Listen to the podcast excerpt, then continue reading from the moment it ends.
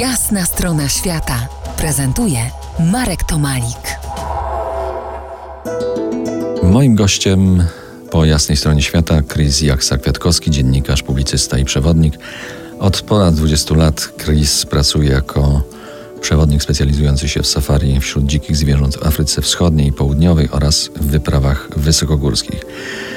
Chris, spróbujmy dzisiaj przyjrzeć się starciu globalizmu z tradycyjnymi kulturami, cokolwiek to znaczy, które jeszcze są, które jeszcze próbują stawiać opór gigantomanii cywilizacji zachodniej.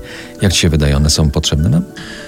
No to jest w zasadzie e, wyjściowa do naszej rozmowy. Oczywiście, że tak. Gdyby były one nam niepotrzebne, prawdopodobnie nikt nie zwróciłby na ten problem uwagi. Areną starcia tego właśnie globalizmu z tradycyjnymi kulturami jest, wydaje się, ekonomia, czyli sytuacja taka, gdzie duży pieniądz wypiera mały pieniądz. Tak, może nie zupełnie bym się tutaj zgodził, że jakiś e, silny pieniądz wypiera, wypiera słabszy pieniądz. Tutaj raczej w ogóle pieniądz wypiera tradycyjne, tradycyjne kultury. Tak, ale tu przenośno powiedziałem. Coś, mhm. co wydawało się trwało jeszcze kilkadziesiąt lat wstecz, mhm. zostaje wyparte poprzez działanie właśnie silne ekonomiczne.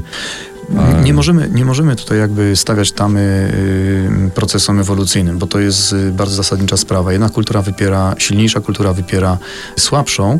Dzieje się to w bardzo sposób taki mm, systematyczny, ale jeżeli dzieje się to w sposób gwałtowny, to dochodzi do pewnej waszej rewolucji, a nawet zabójstwa. Nawet ośmielę się właśnie użyć tego słowa, dlatego że nagle właśnie partykularne interesy wielkich korporacji, na przykład y, wydobywczych czy geologicznych, y, godzą absolutnie w, w interesy małych społeczności na całym świecie. No tak, ale nie bez znaczenia jest tutaj coraz bardziej nachalny i brutalny przemysł turystyczny, czyli nasza chwilowa obecność w tamtym świecie, z czego chyba nie zdajemy sobie wszyscy sprawy. Tak, pracujemy w tym przemyśle i, i obserwujemy od lat, od tych dziesiątku lat procesy związane z dysfunkcjami turystycznymi, które są dzisiaj w tej chwili e, olbrzymie. Ten świat pod wpływem turystyki się gwałtownie zmienia. Gdyby Oczywiście, tej turystyki tak. nie było, gdyby była tylko ekonomia i tylko powiedzmy jakieś partykularne interesy, e, tutaj zrobimy wielką fabrykę, chyba to tak by się gwałtownie zmieniało, że przynajmniej w miejscach, gdzie są te świadkowie e, tych starszych epok, e, wspaniałe zamki, no cokolwiek. Gdziekolwiek jedziemy, cokolwiek chcemy zobaczyć. Znaczy wystarczy, że przeniesiemy się myślami 30, 40, 50 lat do tyłu i zobaczymy na tą y, tak zwaną wtedy masową turystykę, która w taki sposób jednak nie oddziaływała jak dzisiaj na y, miejscowe kultury, y, na kraje, na, na miejsca. Natomiast zobaczmy, co się dzisiaj dzieje.